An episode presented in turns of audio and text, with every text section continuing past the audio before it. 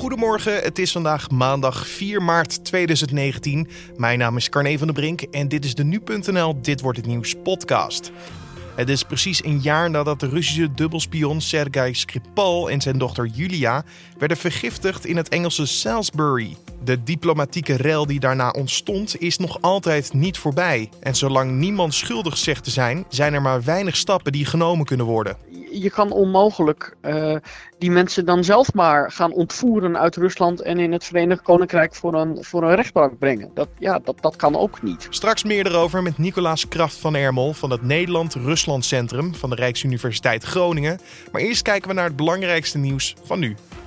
Patrick Roest heeft zich zondag in Calgary zijn wereldtitel allround met succes verdedigd. Sven Kramer pakte achter zijn landgenoot en de Noor Sevre Lunde Pedersen het brons. Douwe de Vries, de derde Nederlandse deelnemer aan het WK Allround, moest zich tevreden stellen met de vierde plaats in het eindklassement. Het goud betekent voor de schaatser uit Lekkerkerk zijn derde medaille op een WK Allround. Naast zijn twee titels greep hij twee jaar geleden het zilver achter Kramer. De financiële topvrouw van elektronica-bedrijf Huawei, Meng Wanzhou, heeft zondag laten weten de Canadese overheid, douane en landelijke politie aan te klagen vanwege haar arrestatie op 1 december. Volgens haar advocaten zou ze zijn vastgezet en drie uur lang zijn ondervraagd, wat in strijd zou zijn met haar rechten. Meng werd aangehouden tijdens een overstap op de luchthaven van Vancouver, omdat ze werd gezocht in de Verenigde Staten. Ze wordt onder meer verdacht van het schenden van de Amerikaanse sancties tegen Iran. Woensdag wordt tijdens een zitting bekend wanneer de zaak over een mogelijke uitlevering dient. De centrumrechtse oppositiepartij Liberale Hervorming heeft de verkiezing in Estland gewonnen. De partij van Kaya Kallas heeft 28,8% van de stemmen binnengehaald. En Kallas lijkt de eerste vrouwelijke minister-president van Estland te worden. De centrum-linkse partij van premier Juri Ratas is tweede geworden met 23% van de stemmen. Hoewel de partijen vaak lijnrecht tegenover elkaar staan, hebben Kallas en Ratas al aangegeven zeker te willen spreken over een gezamenlijke coalitie. In de Amerikaanse staat Alabama zijn zondag zeker 14 mensen om het leven gekomen door twee tornado's. Daarnaast zijn ook meerdere mensen gewond geraakt en worden er nog mensen vermist. Op social media is te zien dat er meerdere huizen in de getroffen plaatsen met de grond gelijk zijn gemaakt. Zeker 42.000 woningen zitten zonder stroom. Komende nacht daalt de temperatuur flink in het gebied, terwijl veel mensen nu geen verwarming meer hebben voor de storm. Ook in buurstaten Georgia en Florida zijn veel gebouwen flink beschadigd door de tornado's. Daar zijn zover bekend geen doden gevallen. En dan kijken we naar de dag van vandaag, oftewel dit wordt het nieuws. De Engelse stad Salisbury is na een grote schoonmaakoperatie officieel veilig verklaard en vrij van het giftig middel Novichok. De schoonmaak was nodig omdat de Russische dubbelspion Sergei Skripal en zijn dochter Julia bijna een jaar geleden daarmee werden vergiftigd. Hoe zat dat ook alweer? Je hoort Julien Dom in gesprek met Matthijs Lelou. 4 maart 2018, eh, toen werden twee mensen, een man van middelbare leeftijd en een jongere vrouw, bewusteloos en in een katatonische staat aangetroffen op een bankje bij een winkelcentrum in Salisbury. De twee die werden naar een ziekenhuis gebracht en daar werd vastgesteld dat ze waren vergiftigd met een zenuwgas. De slachtoffers bleken Sergei Skripal, een mm voormalige medewerker van de Russische militaire inlichtingendienst en oud dubbelspion voor de Britten. En zijn dochter Julia, die nog in Rusland woonde en bij haar vader op bezoek was. Ja, ik kan me voorstellen bij zo'n vondst dan groot alarm. Je weet niet waar het vandaan komt, oftewel stad op slot. Inderdaad, heel Salisbury werd afgezet en onderzocht op sporen van dat gif uit uh, angst voor de volksgezondheid. Want die zenuwgiffen zijn uh, bijzonder besmettelijk. Een uh, rechercheur die naar het huis van Skripal werd gestuurd, die werd ook ernstig ziek, omdat de knop van de voordeur later bleek te zijn besmet met Novichok. Ja, en toen werd uiteindelijk duidelijk dat het ook daadwerkelijk om Novichok ging, hè? want ze wisten eerst nog niet dat het dat was. Dat moest eerst uh, worden onderzocht, maar op 12 maart maakte de Britse premier Theresa May bekend dat het gif in kwestie Novichok was. Dat is een zenuwgas dat is ontwikkeld in de voormalige Sovjet-Unie en dat eigenlijk, uh, zeggen experts, alleen maar in handen van Rusland kan zijn. It is now clear that Mr. Skripal and his daughter were poisoned with a military grade nerve agent of a type developed by Russia. This is part of a group of nerve agents known as Novichok. Dat, uh, die, dat, dat er inderdaad om Novichok ging, dat werd maanden later bevestigd door de chemische wapenwaakhond OPCW. En wat deden de Britten toen, Matthijs? Nou, Theresa May die eiste uitleg van de Russische regering, maar die ontkende in alle toonaarden iets te maken te hebben met de kwestie. Twee dagen later zette het Verenigd Koninkrijk 23 Russische diplomaten uit. En dat waren mensen van wie werd vermoed dat ze voor de inlichtingendiensten werkten. De aanslag uh, die zou zijn uitgevoerd door twee leden van de Russische militaire inlichtingendienst GRU. Die twee die werden bij verstek aangeklaagd in het Verenigd Koninkrijk. Maar Rusland levert geen onderdanen uit. En, dus... Ja, ik kan me nog wel herinneren. Volgens mij hebben we die twee later niet ook op beelden gezien of zo. Dat zij iets verklaarden van nee, daar hebben we niks mee te maken. Ja, of... ja, ja dat duo dat uh, verscheen op de Russische staatstelevisiezender Russia Today. Daar gaven ze een, een hallucinant interview. En ze zeiden dat ze geen spionnen waren, maar dat ze in de fitnessindustrie werkten. En dat uh, hen door vrienden was aangeraden om vooral de kathedraal van Salisbury uh, te gaan bezichtigen. Nou, zeiden ze, we hebben een uh, dagtripje gemaakt om die kathedraal te, te, te zien. En die uitleg van die twee uh, kwam niet bijzonder geloofwaardig kwam die over. Oké, okay, nou ja, goed, daar was ja, het einde nog van de zaak nog lang niet... Nou goed, daar kwam de zaak nog lang niet mee ten einde. Nee. Want vervolgens was er nog een, ja, een, niet, ik zou niet zeggen een aanval, maar was er, want vervolgens was er nog een incident met het Novichok, weer in het Verenigd Koninkrijk. Ja, dat klopt. De Skripals en die uh, Britse rechercheur die ziek werd, die overleefde de vergiftiging allemaal. Maar een uh, andere inwoner van het Verenigd Koninkrijk had niet zoveel geluk. Er waren namelijk twee Britten, Charlie Rowley en Don Sturgis. Die werden op uh, 30 juni opgenomen met vergiftigingsverschijnselen. Dat bleek ook om Novichok te gaan. En Sturgis die overleefde dat niet. Uh, hoe die twee besmet zijn geraakt is niet helemaal duidelijk. Ze hadden allebei een drugsverleden, uh, waren een beetje junkies eigenlijk. Dus het is niet duidelijk of ze die vergiftiging opliepen via een besmet naaldje bijvoorbeeld. Of uh, zo'n flesje vloeistof, mm -hmm. injectievloeistof. Ja. Rowley die zegt zelf dat hij een duur uitziend flesje parfum had aangetroffen in een afvalbak. En die aan zijn partner had gegeven. En dat nou ja, de Novichok in dat flesje zat. Inmiddels is Salisbury dus veilig verklaard. Maar de zaak is nog altijd niet opgelost De vergiftiging veroorzaakte namelijk een diplomatieke rel tussen het Verenigd Koninkrijk en Rusland. De Britten beschuldigen de Russen en de Russen zeiden onschuldig te zijn. Aan de telefoon Nicolaas Kraft van Ermel van het Nederland-Rusland Centrum van de Rijksuniversiteit Groningen over hoe het nu staat met de relatie tussen beide landen. Nou kijk, de relatie tussen zeg maar, Rusland en het Westen, tussen Rusland en het Verenigd Koninkrijk, Rusland en Nederland, uh, uh, ja, die staat natuurlijk al jaren op scherp. We hebben gewoon uh, fundamentele problemen. We hebben verschillen over hoe we vinden dat de wereld eruit moet zien, hoe die bestuurd moet worden, hoe Europa eruit moet zien. En dat zijn natuurlijk de achterliggende problemen die een rol spelen bij ja, in feite een, een acuut probleem, namelijk er is een voormalige Russische spion vermoord in Engeland met gifgas. En de Britten zeggen dat de Russen het gedaan hebben. De Russen ontkennen dat.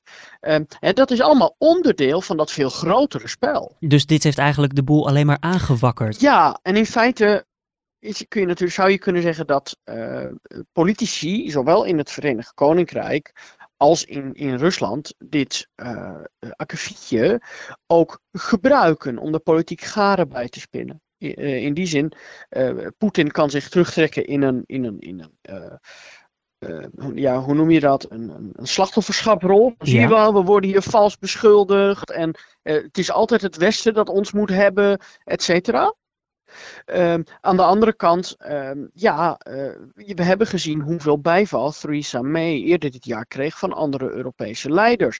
Terwijl Theresa May natuurlijk, nou ja, binnenlands ook wel in een best wel moeilijk pakket zit. Zou je kunnen zeggen dan eigenlijk dat beide leiders uh, deze situatie gebruiken in hun eigen voordeel? Tot op zekere hoogte wel, ja.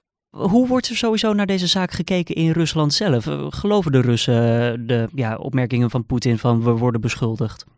Voor een deel. Uh, is, kijk, een groot deel van de gewone Russen kijkt uh, naar staatsmedia uh, en krijgt dat verhaal mee en neemt dat aan voor een waarheid. Aan de andere kant zijn er ook heel veel Russen die dat horen en denken van ja, nou ja, kijk, ik weet het niet wat er mij nu verteld wordt. Dus dat is wat lastig. Maar voor een heel groot deel van de Russen, die zitten in datzelfde slachtoffersperspectief. En dan komt er een verhaal vanuit zo'n slachtofferschapsrol. Mhm. En die nemen dat voor waarheid aan. Want dat past nou eenmaal eh, in eh, de manier hoe ze zelf ook naar de wereld kijken. We zijn nu een jaar verder. Uh, eh, 4 maart is het precies een jaar geleden dus dat uh, Sergej Skripal en zijn dochter Julia werden vergiftigd. Um, is het alleen maar erger geworden sindsdien? Of nou, als ik naar de media kijk is de boel een beetje gaan liggen, maar achter de schermen gebeurt er misschien wel meer. Nou ja, kijk, wat er achter de schermen uh, gebeurt, kan ik natuurlijk niet zeggen. Daar heb ik geen, geen zicht op. Er zijn geen binnenlijntjes bij het Nederland-Rusland Centrum? Nee, nee, nee, helaas. Helaas, zo, zo werkt dat niet. Um, eh, overheden, zeker bij dit soort gevoelige zaken, werken natuurlijk het liefst inderdaad achter gesloten deuren. En als je iets vertellen in, in de media, in het, in het publiek, dan hebben ze daar vaak ook wel een reden bij. Hè? Dan, dan moeten ze een punt scoren. Alles wordt gezegd zowel, met een doel. Ja, precies. Dat geldt zowel in het Westen als in Rusland. Ehm, maar uh, de vraag ging, geloof ik, over, nou ja, het, het lijkt nu stil. Ja, kijk, het, het, eh, dat, dat komt weer. Uh, dit, in feite, dit acute geval valt stil. Waarom? Ja, er is weinig ruimte om te bewegen. De, het Verenigd Koninkrijk zegt. de Russen hebben het gedaan en wij willen de verdachte willen we berechten. De de, Russen zeggen: nee, dat is niet waar, dat is niet gebeurd. Uh, want wij hebben het niet gedaan. Uh, en uh, ja, zolang dat het geval blijft, ehm, eh, ja, is er, valt er weinig te bewegen. Ondanks dat er eigenlijk best wel ja, flinke bewijzen zijn, toch? Ik bedoel, we hebben allemaal we hebben verschillende uh, personen in de media gezien. Um, het, het, gif komt uit Rusland, of is daar in ieder geval gemaakt, Novichok. En alsnog kunnen ze dus ermee wegkomen door gewoon te zeggen: nee, dat zijn we niet. Ja, uh, in het binnenland in ieder geval wel. Um, het buitenland accepteert dat niet. Maar ja, wat, wat kun je doen? Uh, je, kan onmogelijk uh, die mensen dan zelf maar gaan ontvoeren uit Rusland en in het Verenigd Koninkrijk voor een, voor een rechtbank brengen. Dat, ja, dat, dat kan ook niet. Dus uh, dat, dat is lastig.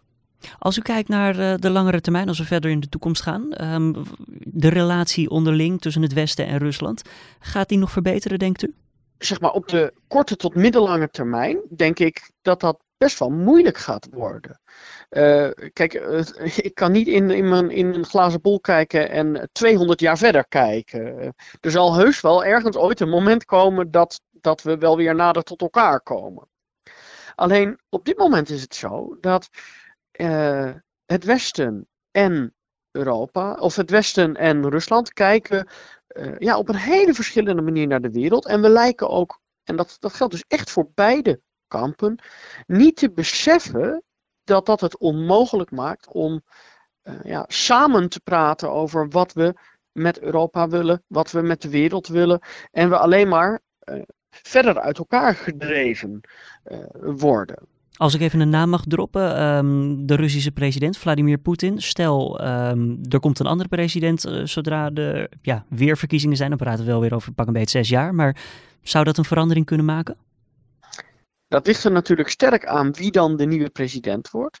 Uh, en kijk, op dit moment wordt er in, uh, redelijk gespeculeerd over wie dan de nieuwe president zou moeten worden.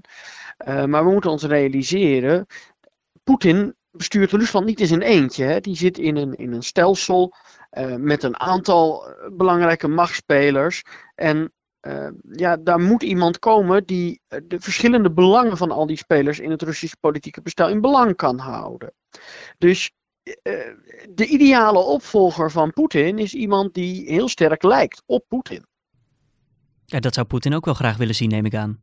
Nou ja, precies. Dus um, ik, vind dat, ik vind het lastig om daar echt een, een, voorspelling over, over te maken. Daar, daar waag ik mij ook niet aan. Um, maar stel nou, er gebeurt iets anders. Poetin overlijdt plotseling. Ik bedoel, uh, ja, de man is ook de jongste niet meer. Um, en uh, ongelukken kunnen ook gebeuren, dan weten we helemaal niet wat er gaat gebeuren. En dat zou wel eens een hele chaotische situatie kunnen worden. Nog één vraag om ja, de boel te concluderen. Stel nou het Westen zegt van, ah, weet je, oké, we gaan er niet uitkomen, zand erover. Is dat een mogelijkheid? Is dat een mogelijkheid? Ja en nee. Kijk, wat, je, waar je, wat, wat er zou kunnen is dat je in een situatie terechtkomt van oké, ja, dit is gebeurd. Um, we kunnen uh, er niks mee. En uh, laten we maar niet, zeg maar niet toegeven dat dit het geval is, maar het op een laag pitje zetten. Dat is natuurlijk in feite wat er ook gebeurd is uh, na 2006. dit, dit is niet de eerste keer dat er een voormalig Russisch uh, inlichtingenmedewerker uh, vergiftigd wordt in het Verenigd Koninkrijk. Het is een keer eerder gebeurd in de zaak Alexander Litvinenko. Ja, en dan eh, praten we over de vergiftigde thee die hij kreeg. Ja, exact, exact. En ook daarvoor geldt, daarvoor is een verdachte aangewezen. Die verdachte is nooit door Rusland uitgeleverd. Sterker nog, de beste man is parlementslid geworden in Rusland en is dat tot de dag van vandaag nog steeds. Um, toch is het niet zo dat het Verenigd Koninkrijk nu dagelijks aanklopt bij Rusland van wij willen hem terug, wij willen die, die, die man uitgeleverd zien.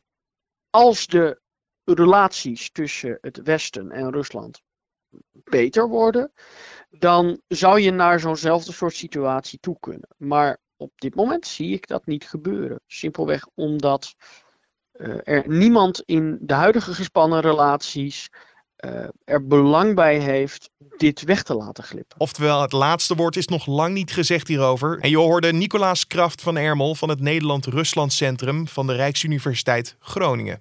De zelfbenoemde interim-president Juan Guaido heeft aangekondigd vandaag terug te zullen keren naar Venezuela. Hij verblijft op dit moment in Ecuador. De zittende president Nicolás Maduro waarschuwde Guaido dat als hij een voet in het land zou zetten, hij gearresteerd zou worden. Toch lijkt Guaido dat risico te willen En vandaag wordt het eerste deel van de documentaire Leaving Neverland bij HBO in de Verenigde Staten uitgezonden. Daarin wordt Michael Jackson tot afschuw van zijn familie beschuldigd van seksueel misbruik. Deel 2 volgt de dag erop. Oprah Winfrey verzorgt maandag na de uitzending een nabeschouwing en in Nederland wordt de documentaire uitgezonden op 8 maart.